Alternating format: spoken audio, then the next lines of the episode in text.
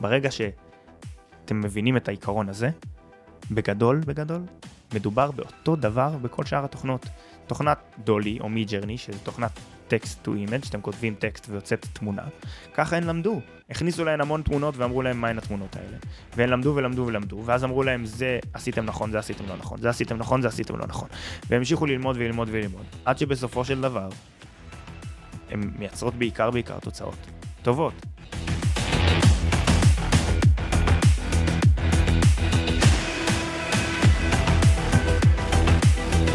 אהלן חברים, ברוכים הבאים לפודקאסט בינה לביזנס. הפודקאסט בו אנחנו נלמד על AI, עסקים ואיך להתכונן לגל המטורף הזה, איך לבנות בעצם גלשן לקראת הגל המטורף הזה שמגיע אלינו, שכבר התחיל להגיע בארצות הברית, עוד לא באמת הגיע לארץ, וברגע שנבנה גלשן נוכל להיות הרבה יותר מוכנים.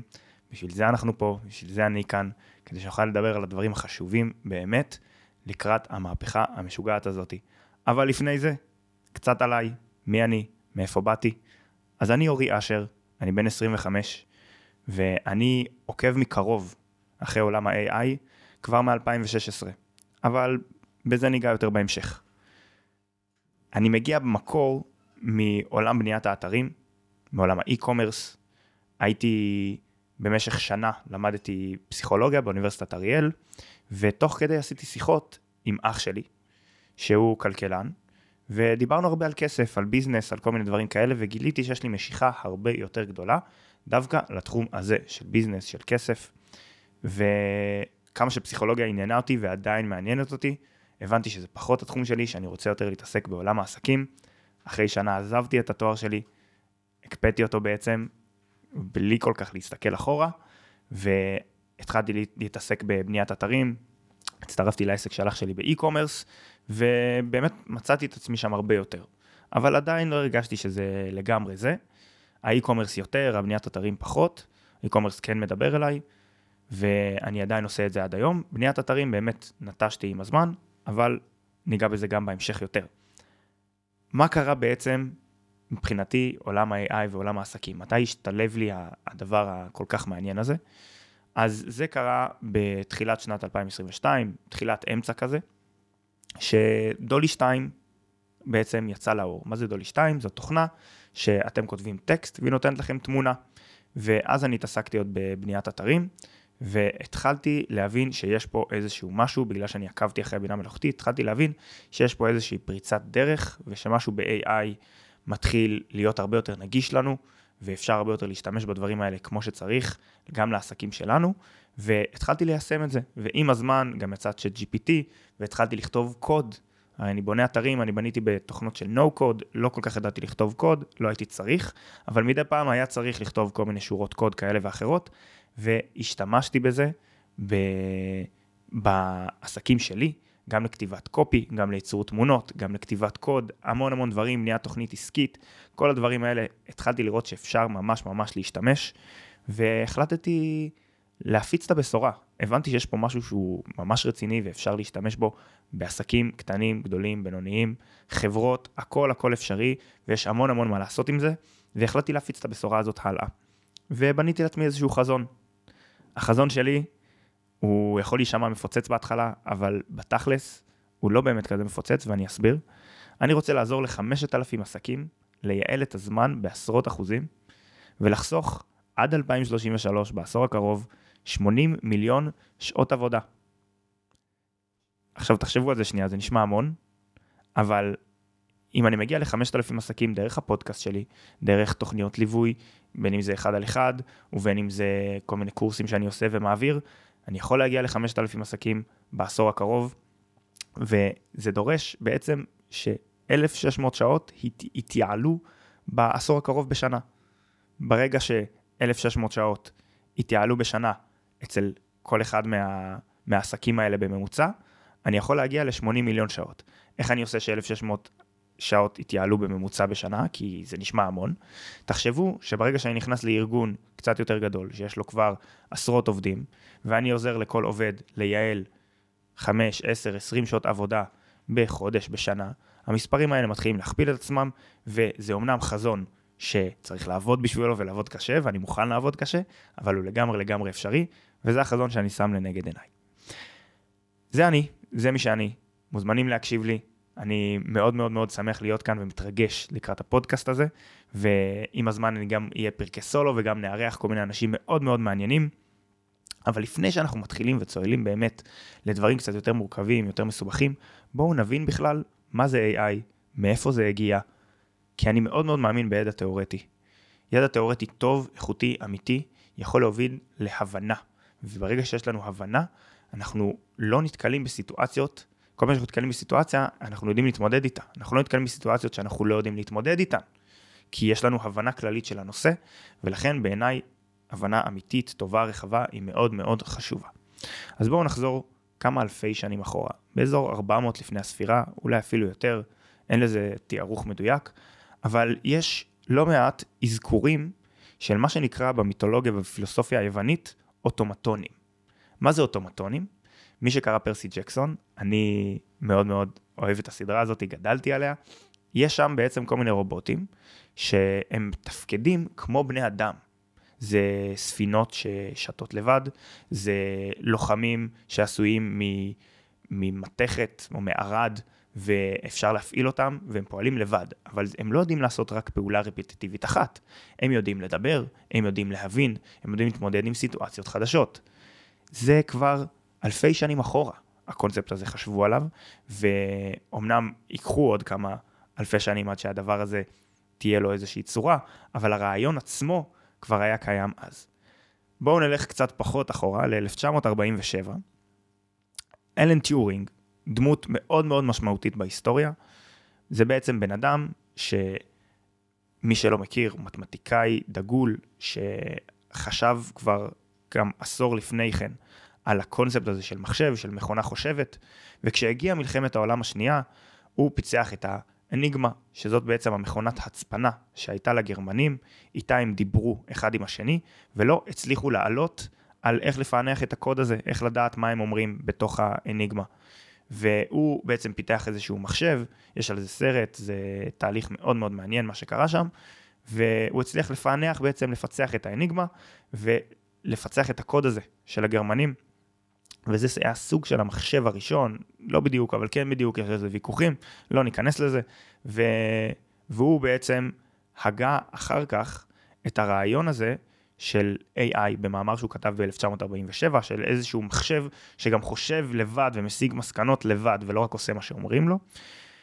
ובאמת, כמה עשרות שנים אחר כך, ב-1997, שזו שנה שקל לזכור כי זאת השנה שבה נולדתי, Deep Blue מנצחת את קספרוב בשחמט. קספרוב היה שחמטאי בין הטובים בהיסטוריה, יש שיאמרו הכי טוב בהיסטוריה, ו Deep Blue זאת בעצם תוכנת בינה מלאכותית שב-1997 הצליחה לנצח אותו על ידי זה שהיא חישבה מספיק מהלכים קדימה והבינה ולמדה את המשחק והבינה הרבה יותר ממנו מה צריך לעשות וזה היה איזשהו הלם כזה לעולם, כולם חשבו שהנה הגיעה המהפכה של הבינה המלאכותית והרובוטים הולכים להשתלט על כולנו, כולם חשבו את זה כבר ב-1997, כמו שאנחנו חושבים היום, כמובן שזה ייקח כמה שנים טובות קדימה עוד, וזה בעצם היה איזה פריצת דרך ראשונה.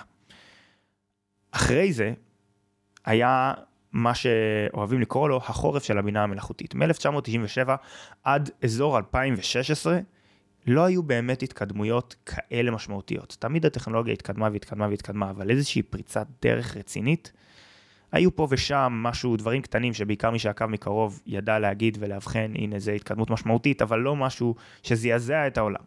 ב-2016, תוכנה בשם AlphaGo, שזה תוכנה שנבנתה על ידי חברת DeepMind של גוגל, בנתה את ה... DeepMind בנתה בעצם את התוכנה הזאתי, AlphaGo, והיא ניצחה את ליסדול במשחק גו. ליסדול הוא בעצם האלוף העולם הבלתי מעורר במשחק גו, זה משחק סיני, שכמות המשתנים בו, כמות האפשרויות, יותר גדולה מכמות האטומים ביקום הנצפה. כלומר, לא באמת אפשר לבנות איזושהי תוכנה שיכולה לחשב מספיק מהלכים קדימה, אנחנו צריכים איזושהי אינטואיציה, איזושהי בינה. היא בונה את AlphaGo, ו AlphaGo משחקת מול עצמה הרבה פעמים, עוד מעט נדבר על תהליך הלמידה.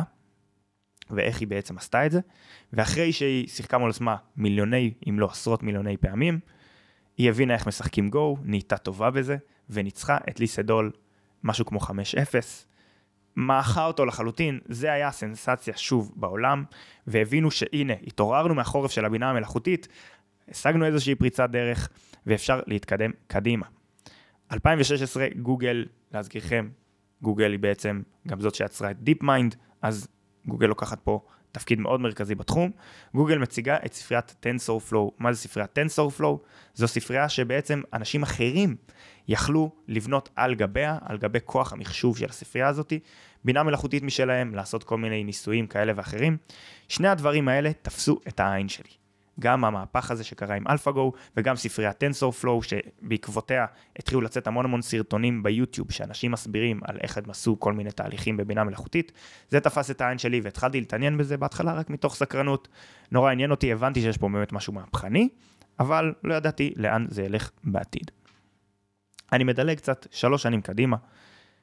GPT-2 של OpenAI מתחיל לייצר טקסט משכנע.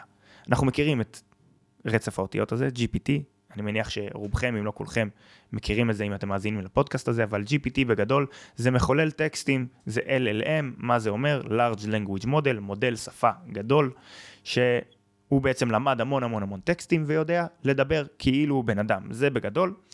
ו-GPT 2, הגרסה השנייה של GPT, מתחיל לייצר טקסט משכנע. זה עדיין לא לגמרי שם, אבל כבר אפשר להשתמש בו, הוא כבר מרשים, זה 2019. כן? ארבע שנים אחורה. 2020, OpenAI משחררת את מודל השפה GPT-3. GPT-3 כבר לא מתחיל לייצר טקסט משכנע, הוא כבר רוב המוחלט של הזמן מייצר טקסט משכנע, יודע לקחת טקסטים נורא גדולים, לעשות עליהם מניפולציות, להבין אותם, והוא כבר נכנס, כבר ב-2020 הוא מתחיל להיכנס לחברות גדולות ולעשות שם מהפכות רציניות. 2021, OpenAI משחררת את קודקס ודולי. קודקס זו תוכנה שעוזרת למקודדים לכתוב קוד, למתכנתים לכתוב קוד, ודולי זו תוכנה של טקסט to image. זאת בעצם תוכנה שכשאתם כותבים לה טקסט, היא יוצרת תמונה.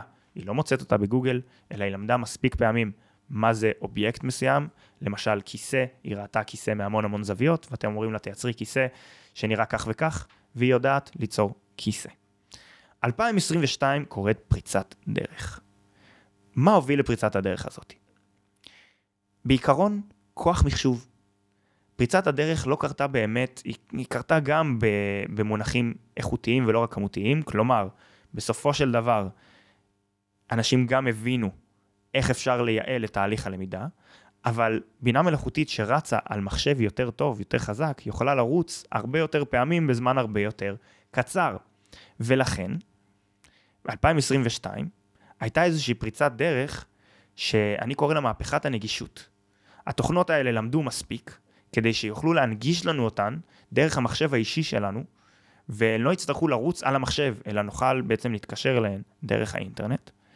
וזה הפך את זה לרלוונטי לעסקים קטנים ובינוניים. למה זה הפך את זה לרלוונטי?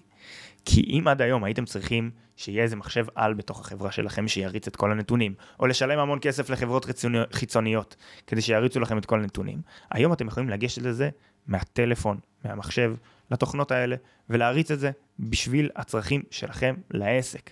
ולכן זה מהפכני לחלוטין. בואו נבין מהי בינה מלאכותית ואיך היא עובדת. כי ברגע שנבין את זה בצורה הרבה יותר יסודית ואמיתית, אנחנו נוכל להסיק מזה מסקנות לאיך אנחנו יכולים להשתמש. אז קודם כל, היא מחקה בינה אנושית. אז בואו נדבר שנייה מה זה חיקוי ומה זה בינה. צריך לפרק שנייה את הנושא הזה שמה זה היא מחקה בינה אנושית. מחקה זה אומר שהיא לא באמת בינה אנושית, אלא כמו שעובדת מערכת נוירונים שיש לנו במוח, מתוך זה לוקחים איזושהי השראה ומנסים לבנות מערכת שכמה שיותר דומה לה. זה לא חי, אין לזה מודעות, זה לא באמת מבין כמו שאנחנו מבינים. אבל זה מאוד מאוד דומה. יש שם איזשהו תהליך למידה שהוא מאוד דומה, ולכן זה רק מחכה, זה לא ממש. אז כשאנשים באים ואומרים לי, הוא מבין מה אני אומר, או הוא רוצה להשתלט על כולנו, אין לו באמת רצון, אין לו באמת הבנה. אולי תהיה לו בעתיד, ואנחנו נדבר על זה בפרקים אחרים, אבל כרגע אין לו באמת רצון, אין לו באמת הבנה, לא צריך לפחד מזה עדיין, אבל עכשיו באמת אין צורך להיכנס לפאניקה. מהי בינה? בינה, בשונה מחוכמה, היא הסקת מסקנות, היא להבין דבר מתוך דבר. יש לכם המון המון המון מידע, שזה מה שה-AI מקבל, ומתוך המידע הזה, הוא יכול להבין ולהסיק מסקנות הלאה. אבל זה לא חוכמה. הוא לא יכול להבין דברים חדשים. הוא לא יכול להבין דברים שהם חדשים בבסיס שלהם, שאף אחד לא חשב עליהם לפני, אלא רק לנסות להיות יצירתי מתוך כל הדברים שהוא מכיר מלפני. ולכן זה רק מחכה וזה רק בינה. זה לא באמת חוכמה אנושית. אז איך קורה התהליך? היא ניזונת מכמויות מידע אדירות, ניזונת ולא ניזונה, אתם מוזמנים לבדוק את זה באקדמיה ללשון, אני גם הייתי מופתע. היא ניזונת, התוכנה ניזונת מכמויות מידע אדירות. מכניסים לה כמויות מידע אדירות, אם זה למשל צ'אט GPT, אם אנחנו כולנו, כל מי שמאזין לפודקאסט הזה וכל מי שיאזין לפודקאסט הזה אי פעם, רק נשב ונקרא כל חיינו עד סוף חיינו, אנחנו לא נגיע לכמויות, לא נתחיל לגרד את הכמויות שצ'אט GPT למד בטקסטים. לא נגיע, הוא למד כמויות אדירות. אחרי שהוא מתחיל ללמוד כל הכמויות האלה, הוא מתחיל לזהות דפוסים. הוא רואה שמילה מסוימת, אחריה בדרך כלל מגיעה עוד מילה, ואז עוד מילה, וכל זה בתוך קונטקסט מסוים. כלומר, בתוך קונטקסט מסוים, שלוש מילים או ארבע מילים או רצף מילים מסוים, כנראה יגיע. כלומר, סטטיסטיקה. הוא מבין איך משהו קורה בדרך כלל, ומזה הוא, הוא מסיק מסקנות הלאה. אז הוא מזהה ומנתח כל מיני דפוסים. מתוך זה, הוא יכול לנסות לנבא מה תהיה המילה או האות הבאה כל פעם. אתם נותנים לו משפט, נותנים לו שאלה, הוא יודע מה כנראה הולך להיות נכון. עכשיו, זה נשמע קצת מוזר. כלומר, לא תמיד בעולם דינמי, לא תמיד אחד ועוד אחד שווה שתיים. לפעמים יש משתנה שלא ראיתם, יש עוד אחד באמצע, ואז זה שווה שלוש. אז איך מלמדים אותו לדעת מה שאנחנו מצליחים להבין, כלומר לקבל איזשהו קונטקסט מסוים, ולהבין איך כל פעם הוא צריך לדבר, או איך כל פעם הוא צריך לענות. אז מעבר לעובדה שהוא באמת לומד עשרות מיליוני, אם לא מיליארדים של, של פרמטרים, ואפילו יותר מזה, שזה כבר מוסיף לדיוק, הוא גם עובר איזשהו אישור או אישרור מהמתכנתים שלו. הם באים ויושבים ואומרים לו זאת תשובה טובה, זאת תשובה פחות טובה, זאת תשובה יותר טובה. מדרגים לו מה תשובה טובה ומה לא. זה מלמד אותו איך הוא צריך לחשוב, איך הוא צריך לענות, וכך הוא נהיה יותר ויותר מדויק. תחשבו על זה. ככה גם אנחנו, ככה גם אתם, וככה גם אני, כולנו. ככה למדנו לדבר, ככה למדנו לחשוב. כשאנחנו רצינו לחשוב ללמוד מילה חדשה. וראינו את המבוגרים שותים מכוס. ראינו אותם שותים מכוס. אז אמרנו, אוקיי, כל דבר שיש בו מים ושותים ממנו, הם קוראים לו כוס. אז כנראה שכל דבר שיש בו מים ושותים ממנו הוא כוס. והתחלנו לקרוא לזה כוס, קראנו לזה כמה פעמים כוס, עד שפעם אחת מישהו שתה מבקבוק, וקראנו לזה כוס. באו מבוגרים ואמרו לנו, זה לא כוס, זה בקבוק. ואז התחלנו לעשות הקשרים אחרים. לא תמיד אחד ועוד אחד שווה שתיים, אלא נכנס פה עוד אחד, אם יש לזה פקק, אם זה אולי מוארך, אולי זה עשוי מפלסטיק, יש המון המון פרמטרים שיכולים להוביל אותנו ללמה, ללמה זה בקבוק ולא כוס. ולמדנו לעשות את ההבדלים האלה, ומאז אנחנו יודעים מה זה בקבוק ומה זה כוס. אותו דבר, ככה, ככה הצ'אט לומד, ככה התוכנה לומדת, בדיוק באותה צורה. עכשיו אני אומר, זה מאוד מאוד כללי, מה שאני מלמד פה זה כללי וזה בכוונה כללי, אני בכוונה לא יורד לפרטים טכניים, כי זה לא באמת מעניין אותנו, אני רוצה שתהיה לנו הבנה כללית, איך בדיוק זה עובד, מה זה Machine Learning, מה זה Deep Learning, מה זה Reinforcement Learning, כל הדברים האלה, אנחנו לא ניגע בזה ממש לעומק, כי אין באמת סיבה להבין את זה, זה יותר לאנשים טכניים. וזו לא המטרה שלנו כאן, המטרה שלנו כאן היא לדבר על ביזנס בסופו של דבר. מה שאנחנו עושים עכשיו, גם הדיבור הזה שאנחנו מדברים בפן התיאורטי, זה כדי להגדיל בסוף החודש את שורת הרווח, בתכלס זה באמת מה שמעניין אותנו. אז בואו נדבר שנייה על תהליך הלמידה. איך נראה תהליך הלמידה? אז יש לנו, לפני שאנחנו נכנסים לעומק, אנחנו צריכים להבין מה זה, איך, איך אפשר להגדיר דברים. אז יש שתי דרכים להגדיר דברים. יש שלילה ויש תיאור. אם אני רוצה להגיד לכם, תסתכלו על האצבע שלי. מה זו האצבע שלי? זה מה שיש בו את העצמות שלי, ואז בפנים את הבשר, ועל זה את האור, וכאן יש את הציפורן. כלומר, אני מתאר לכם איך האצבע שלי נראית. אבל אני יכול גם להגיד לכם תסתכלו שנייה על כל החדר הזה שאני נמצא בו.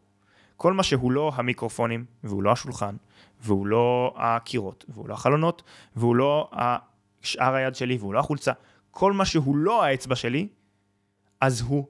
כל מה שהוא לא האצבע שלי, זה אני מוציא לכם לדרך השלילה. את כל זה תשללו, מה שנשאר זו האצבע שלי. יש בעצם שתי דרכים להגדיר, וכשאנחנו עובדים עם בינה מלאכותית, אנחנו נרצה לעבוד בעיקר בדרך השלילה. אז איך, איך אנחנו בעצם עושים את זה? אנחנו נותנים לה תנאים. אני אתן לכם דוגמה. תדמיינו שנייה באוויר, שיש לכם ריבוע כלשהו ועיגול, בסדר? ואנחנו, יש מסביב איזושהי מסגרת, ואנחנו אומרים לתוכנה שהריבוע יכול לזוז לכל הכיוונים. לא רוצים להגיד לה שהיא צריכה להגיע לעיגול, כי היא לא מבינה מה זה אומר. ואנחנו אומרים לה שהריבוע צריך להגיע לעיגול בלי לגעת בקירות. בסדר? דמיינו שיש קירות מסביב, יש ריבוע, חדר כזה, והוא צריך להגיע לעיגול בתוך 4 שניות. מה אנחנו אומרים לה בתנאים? שהריבוע יכול לזוז לכל מקום. אם תוך 4 שניות הוא לא נוגע בעיגול, היא לא מקבלת על זה פרס. אם הוא נוגע בקירות, היא מתחילה מההתחלה וגם לא מקבלת פרס. רק אם הריבוע נוגע בעיגול, היא מקבלת פרס. עכשיו המטרה שלה היא לקבל ניקוד, לקבל פרס מסוים.